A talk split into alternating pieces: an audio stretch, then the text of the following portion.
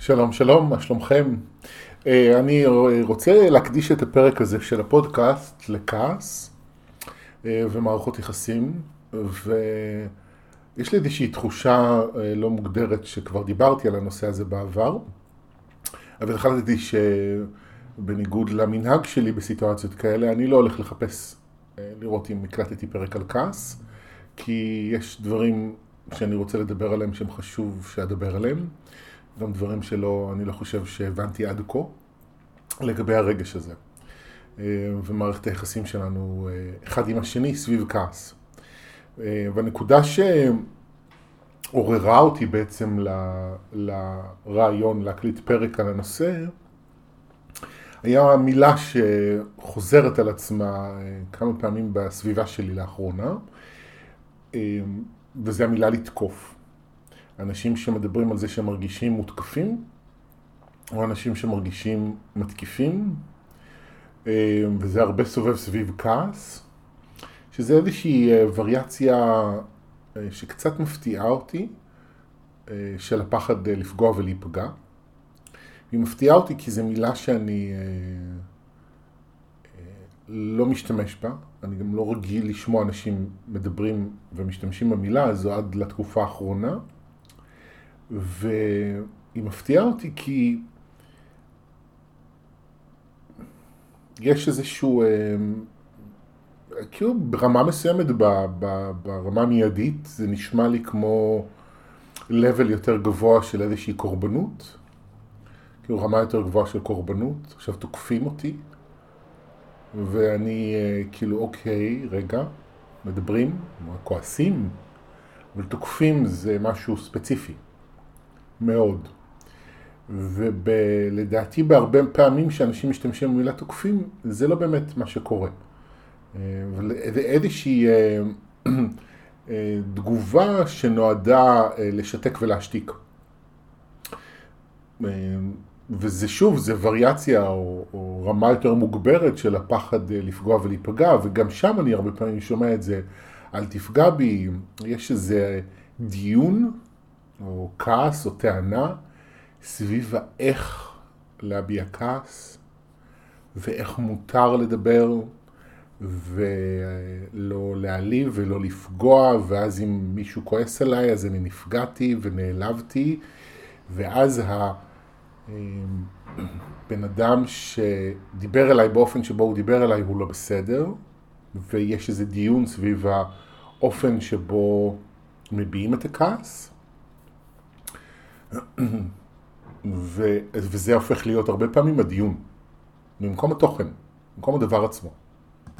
ו, ולפעמים זה חשוב ונכון שיהיה הדיון הזה, אבל הרבה פעמים אני שומע איך זה הסחת דעת מהדבר עצמו, איזשהו ניסיון אה, להסיט את הדיון מהדבר עצמו, במקום לדבר על, על הטענות שעולות, אז באים בטענות לסגנון של הדיבור.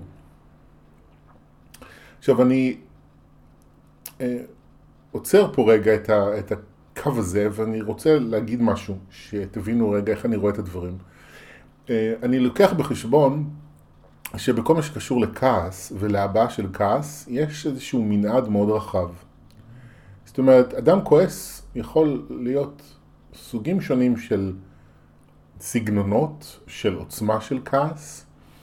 אמ, ולכן כשאנחנו מדברים על זה, גם אני כרגע במונולוג שאני עושה כאן בפודקאסט וגם בכלל בדיונים סביב הנושא הזה, העובדה שאנחנו באים מרקע שונה סביב כעס, הופכת את הדיון למאוד מאתגר.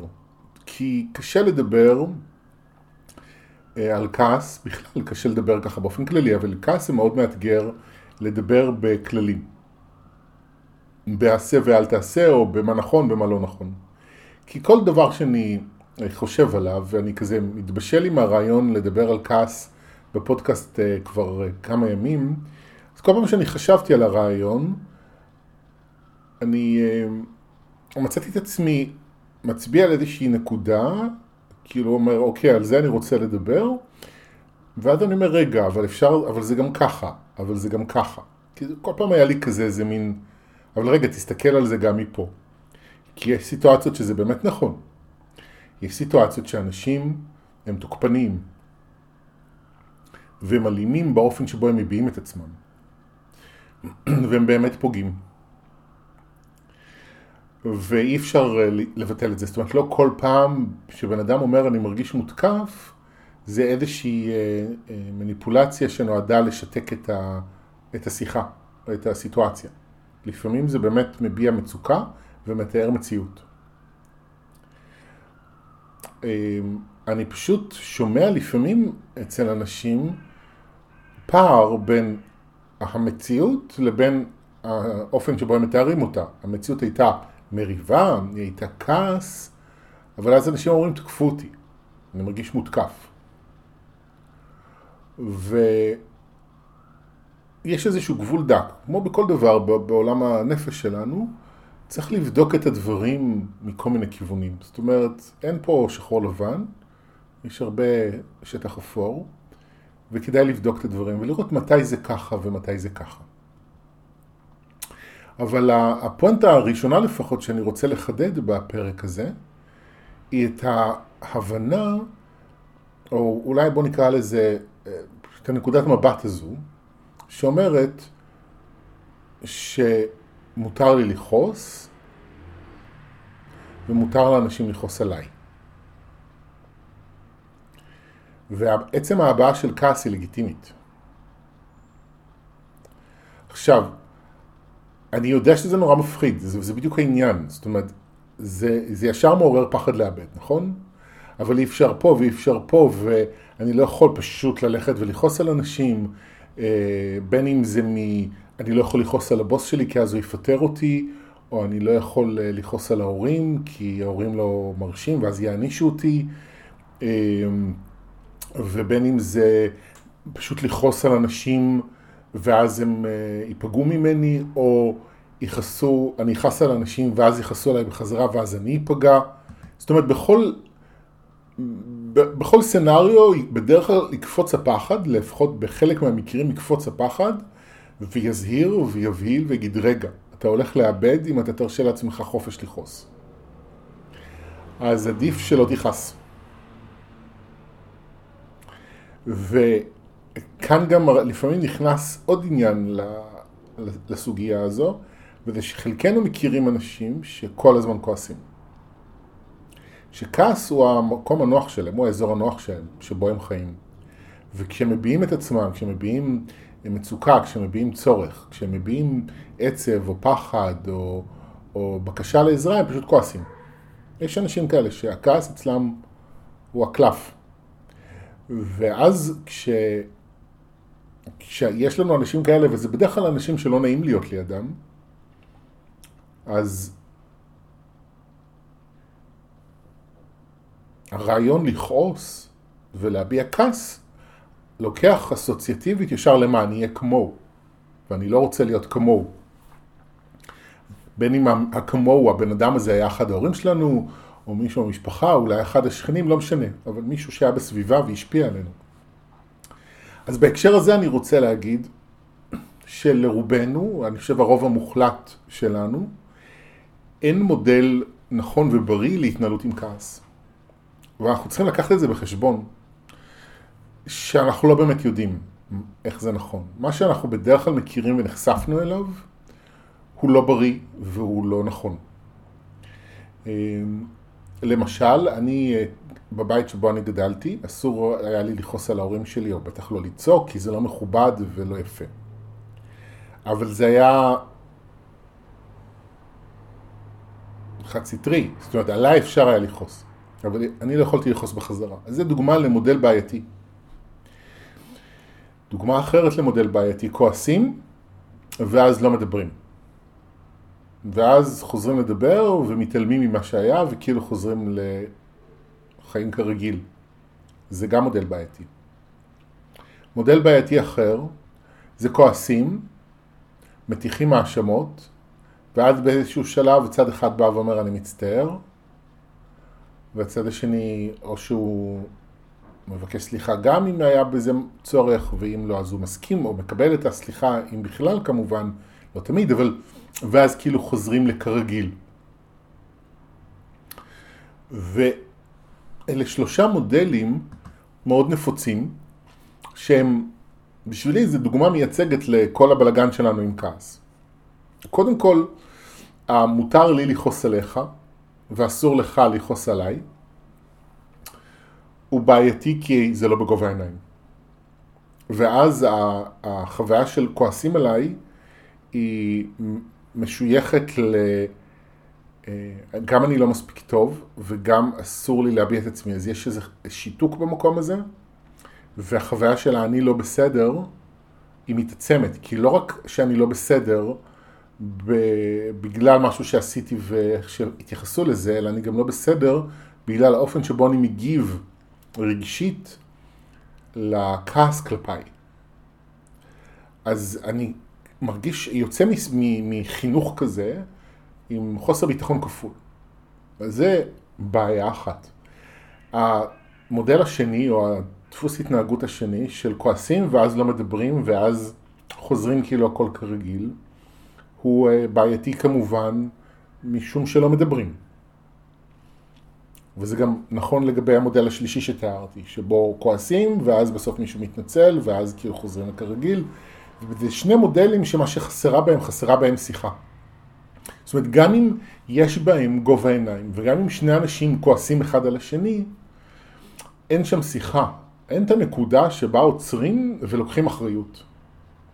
אז במודל האחד שאני מתאר, יש שתיקה. יש התעלמות, יש שתיקה, אה, שזה סוג של עונש שלא מוצג בתור עונש. אה, ואז אני עלול למצוא את עצמי, גם אם אני צודק, גם אם אני לא הייתי לא בסדר, אבל אני כרגע בעונש. וגם אם אני צודק, גם אם אני הצד שנפגע ואני הצד שכועס, ואני הצד שלא מדבר, גם אז אני בעונש. כי השתיקה והריחוק הנתק הזה הוא עונש. ולמה הוא עונש? כי נתק מאנשים שאני כועס עליהם, או אני טעון ברגשות כלפיהם, זאת הדרך הכי טובה להיות איתם בקשר. כי אני לא בקשר איתם, אבל אנרגטית ורגשית, אנחנו כל הזמן בקשר. הם כל הזמן במחשבות שלי. ואז אני מעניש את כולם. עכשיו, אני גם מעניש ומוענש, אבל אני גם מרוויח מזה, כי אז אני ממשיך להיות במריבה, בלי באמת לבדוק ולבחון מה באמת קורה ומה באמת מפריע לי ואיפה המציאות, איפה החלק שלי במציאות. נותן איזושהי נקודה שבה אה, אני עוצר ולוקח אחריות. ואז יש איזשהו שלב שזה כאילו קצת יורד הרגשות ו... ואז כאילו מתחילים להפשיר ולהיפתח ולדבר כאילו הכל כרגיל. וזה מאוד דומה, שוב, למודל האחרון שציינתי קודם, של לדבר, ואז מישהו מתנצל, ואז כאילו הכל בסדר, אבל, אבל הרבה פעמים ההתנצלות הזאת היא באה מפחד לאבד, ורצון שדברים יהיו בסדר, לא מתוך הבנה עמוקה של מה היה לא נכון, וב' זה משאיר את הדיון בקורבן מקרבן. זאת אומרת, אני הקורבן שלך, אני כועס עליך, ואז אתה באיזשהו שלב מבין שהיית לא בסדר, אתה מתנצל כלפיי. עכשיו, אוקיי, אני לא אומר שאין לזה ערך, אוקיי? יש לזה חשיבות. אה, בוודאי אם מדובר בבן אדם שרגיל לפגוע בי, או בן אדם שרגיל לא להתנצל, אז יש לזה אפילו חשיבות יותר גדולה. אבל גם שם, מה שחסר לי, במציאות בדרך כלל שאני פוגש, זה שיחה. זה לבוא ולהגיד, אוקיי, אני עצבנתי אותך בזה, אתה עצבנת אותי בזה, בוא נדבר על הדברים, בוא נראה מה קורה. עכשיו, שיחה היא אמיתית, היא שיהיה השיחה שלה, אני מכוון, כי שוב, כמו הבעה של כעס, גם שיחה זה דבר שיכול להתבטא במנעד רחב של וריאציות. השיחה שאני מכוון אליה זה שיחה שבה שני הצדדים לוקחים אחריות. ששני הצדדים מדברים באני ומזהים בעצמם את, את הדברים שיש להם ללמוד ולרפא. וכשאני אומר אה, שני הצדדים מדברים באני, הכוונה שלי היא, אני אה, שם לב שאני אה, עושה ככה וככה, וכשאתה התנהגת בצורה הזאת, אז אני ישר הרגשתי עוד פעם כמו שהרגשתי בבית של ההורים, וזה מאוד העלה לי כאב, ובגלל זה גם כעסתי נורא, כי הרגשתי שאני, את אותו חוסר אונים שהרגשתי בתור ילד. זה משפט באני. יש את המשפט בכאילו אני.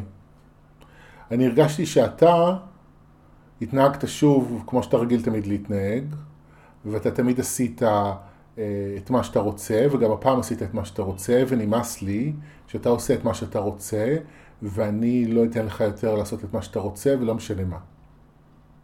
זה משפט בכאילו אני. אני אמנם מדבר מתוך עצמי, ומתוך כאב ותסכול וכעס, אבל אני מדבר באתה. ו...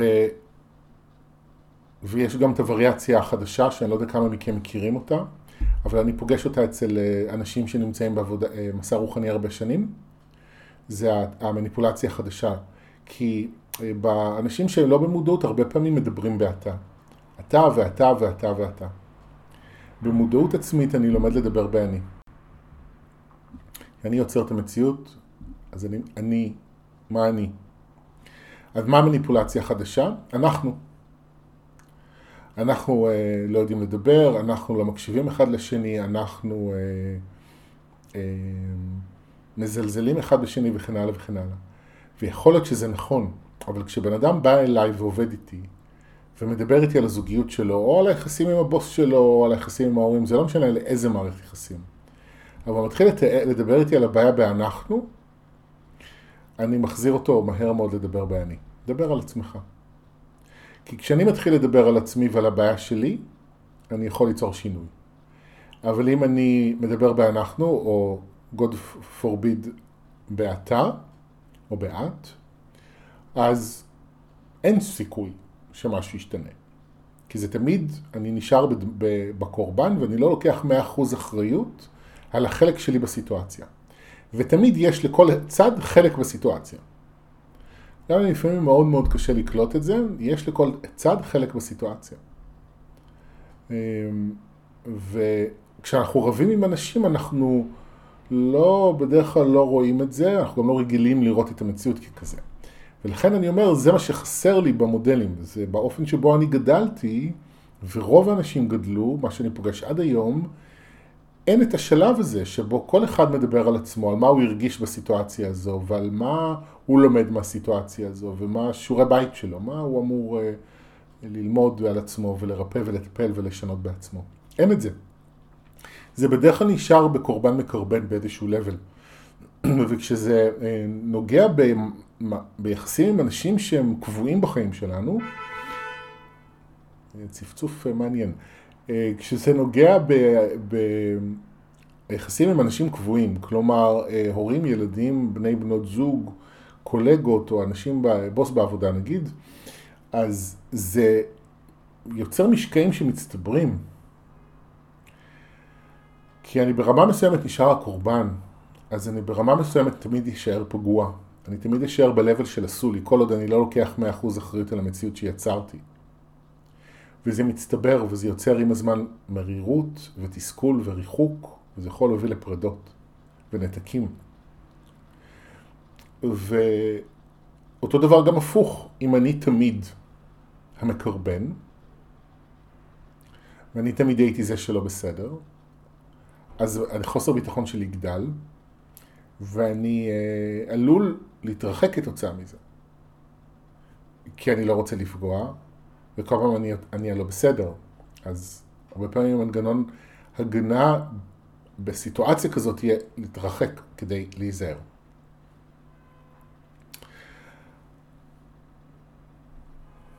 זה מה שקורה. עכשיו,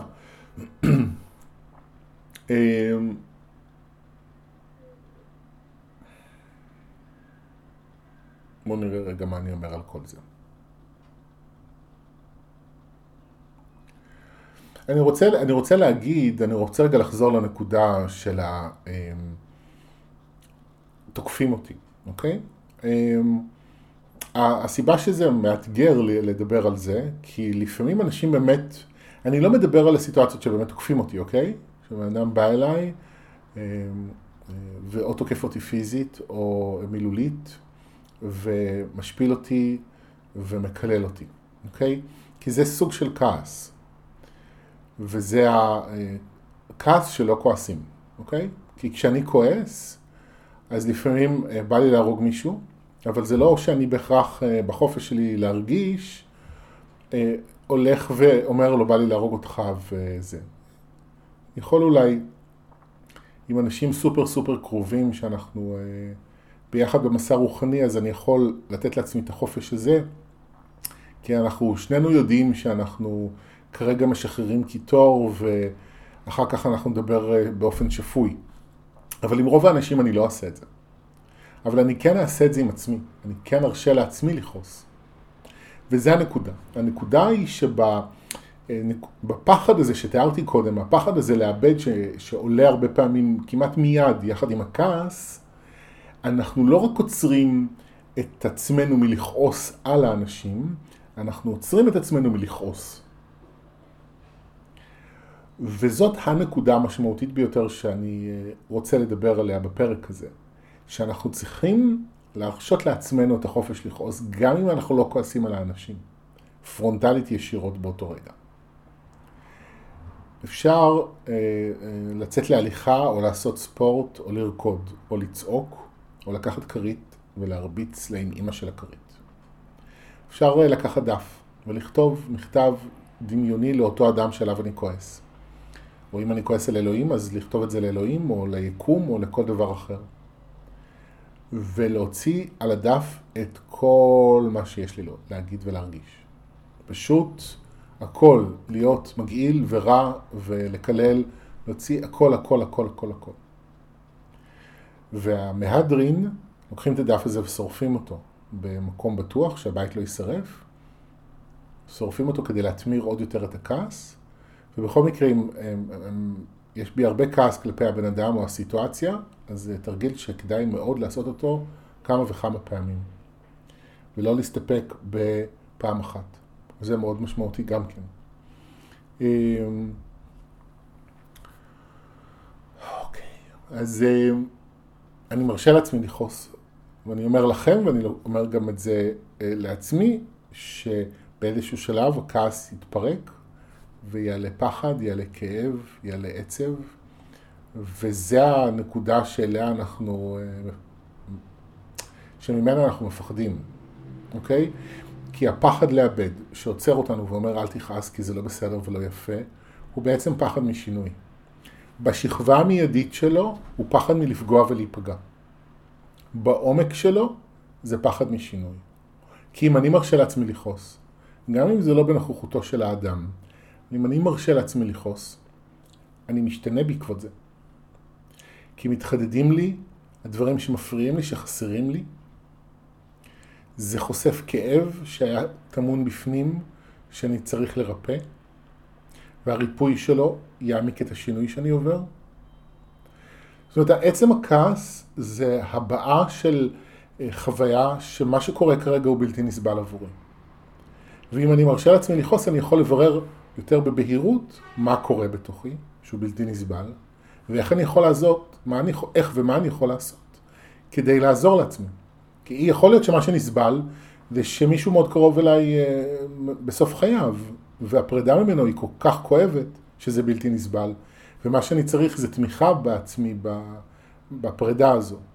ויכול להיות שמה שמכעיס אותי זה שאני לא יכול יותר לעבוד במקום עבודה חנוק וסגור, שבו אה, מילולית ומטאפורית אין לי אוויר לנשימה, ואני צריך מקום עבודה אחר. ורק אם אני ארשה לעצמי לכעוס, אני יכול להבין את הדברים האלה. אני יכול להבין מה אני צריך, מה חסר לי, מה מפריע לי. אבל כשאסור לכעוס, אז אנחנו נשארים מנותקים מעצמנו. ואז אנחנו לא יודעים מה מפריע לנו. ואז אנחנו, דרך אגב, עלולים להיות עוד יותר עצבניים, כי המצוקה לא מטופלת, הצורך לא מקבל מענה, ואז הכעס ממשיך לבעבע, והוא עשוי לצאת במקומות הלא נכונים, ברגעים הלא נכונים, על האנשים הלא נכונים, בעוצמה הלא נכונה לפעמים. כי מה שבאמת מכעיס אותי ומה שבאמת מפריע לי לא מקבל מענה. לכן זה חשוב מאוד שאנחנו נכעס. קודם כל עם עצמנו. ועכשיו מתוך זה הרבה פעמים זה חשוב שאנחנו גם נדבר עם האנשים שאנחנו כועסים עליהם. וכאן אה, זה אה, עוד יותר tricky, כי זו שאלה גם מה אני מצפה. זאת אומרת, אני עשיתי כל מיני שיחות עם אנשים שמעצבנים אותי, כי, לא כי ציפיתי שהם ישתנו, אלא כי הלכתי לדבר איתם כדי לא, לפרוק את מה שיש לי על הלב, כדי להפסיק לפחד מהם, ולפחד מעצמי כשאני כועס, ולתת לעצמי יותר חופש. אז היו אנשים שדיברתי איתם על כל מיני דברים שהם לא בהכרח הבינו אותי. אבל אני למדתי לעשות את זה עבור עצמי. וזו נקודה משמעותית, כי הרבה פעמים אנחנו אומרים, טוב, אין טעם, נכון? יש את האין טעם, אין עם מי לדבר, אין טעם, ואני אומר, לא, יש טעם. יש טעם בלשבור את הדפוס של השתיקה, ולהביע את מה שאני מרגיש וצריך ומפריע לי ורוצה. לזה יש טעם. גם אם הבן אדם לא יבין אותי. עכשיו תראו, חלק מהטראומה שיש לנו עם כעס קשורה בזה שאנשים הרבה פעמים, בגלל שהם חסרי אונים, והם לא יודעים איך להביע את מה שהם מרגישים, אז הם מקללים ומשפילים. ואז הכעס קשור אצלנו בטראומה הזו. ואני חושב שאני אה, מסתכל על קללות בתור הכוח של החלשים. כשאני מרגיש חלש ביכולת הביטוי שלי, אז אני מקלל. ול... ואני אומר שזה גם ברמה מסוימת בסדר לקלל, בטח אם זה ביני לביני, אני לא חייב להיות כל הזמן נחמד, אבל צריך גם מאוד לשים לב לזה, כשאני כועס על מישהו, כשאני מדבר עם מישהו, לא לקלל ובשביל להשפיל ובשביל לגרום לבן אדם להרגיש רע. יש הבדל בין לכעוס כדי לגרום למישהו להרגיש רע, לבין לכעוס כדי להביע את עצמי. ולכן אה, באמת במכתבי כעס ודברים כאלה יכולים לעזור כדי לפרק את הכעס הגולמי הראשוני, שיש בו לפעמים מרכיב של אני רוצה להכאיב לך כי הכאבת לי, ואז כשזה קצת מתנקה יותר קל לבוא עם הכעס עצמו, עם הדבר עצמו, עם מה שבאמת קורה. עם פחות קורבנות ויותר נחישות. אז לכן, פה התרגיל הזה יכול להיות מאוד משמעותי. וכן, הרבה פעמים זה חשוב שנדבר. שנדבר עם ההורים שלנו אם הם פגעו בנו, או עם הילדים שלנו אם הם פגעו בנו, או בני בנות זוג, לא משנה, אנשים שאנחנו חיים איתם הרבה ואנחנו סוחבים דברים בבטן, ואז התירוץ הוא אין עם מי לדבר, ואני אומר, אתם לא יודעים. זה שעד היום לא הצלחתי לדבר עם הבן אדם זה לא מה שאני לא אצליח מחר. ואני חושב שבבסיס של כל הסיפור, של האין טעם אין, ואין עם מי לדבר, ואני לא רוצה לפגוע ואני לא רוצה להיפגע, וכל הדברים האלה, יש פחד משינוי. כי כשאני בא ומבטא מה מפריע לי, מה מעצבן אותי, מה חסר לי, מה אני צריך, משהו יכול להשתנות. בתוכי, והוא יכול גם להשתנות במציאות שלי. אה, ואם תחזירו את עצמכם לפחד משינוי, ותשאלו את עצמכם בסיטואציות האלה שבהם אתם מפחדים ומשתתקים, מה אני מפחד שישתנה? אז תוכלו אה, להגיע לזה בהירות עם עצמכם לגבי מה באמת משתק אתכם, ומתוך זה אה, ליצור איזו תקשורת חדשה יותר עמוקה, יותר כנה, קודם כל עם עצמכם, ומתוך זה גם עם האנשים במציאות שלכם. אז כן, תכעסו. ואני אה, פוגש לפעמים אנשים בסדנאות שאני מנחה ובאחד על אחד, שאני מרגיש שאני צריך לחמם אותם, כי הם כל כך מפחדים לכעוס והם כל כך אה, ראויים לכעוס, כי באמת התייחסו אליהם רע מאוד לפעמים, ואני מרגיש צורך לחמם אותם. אז אני שולח למי מכם שזקוק לכך כמה אה, נשיפות אה, חמות של אה, אש, כדי לחמם אתכם, קצת להניס את הפחד. ואת האשמה, ולהגיד, אוקיי, מותר לי לכעוס, ויש לזה מקום. זהו. תודה רבה שהאזנתם, אני מקווה שזה עזר לכם, אנחנו ניפגש בהמשך הדרך. ביי ביי.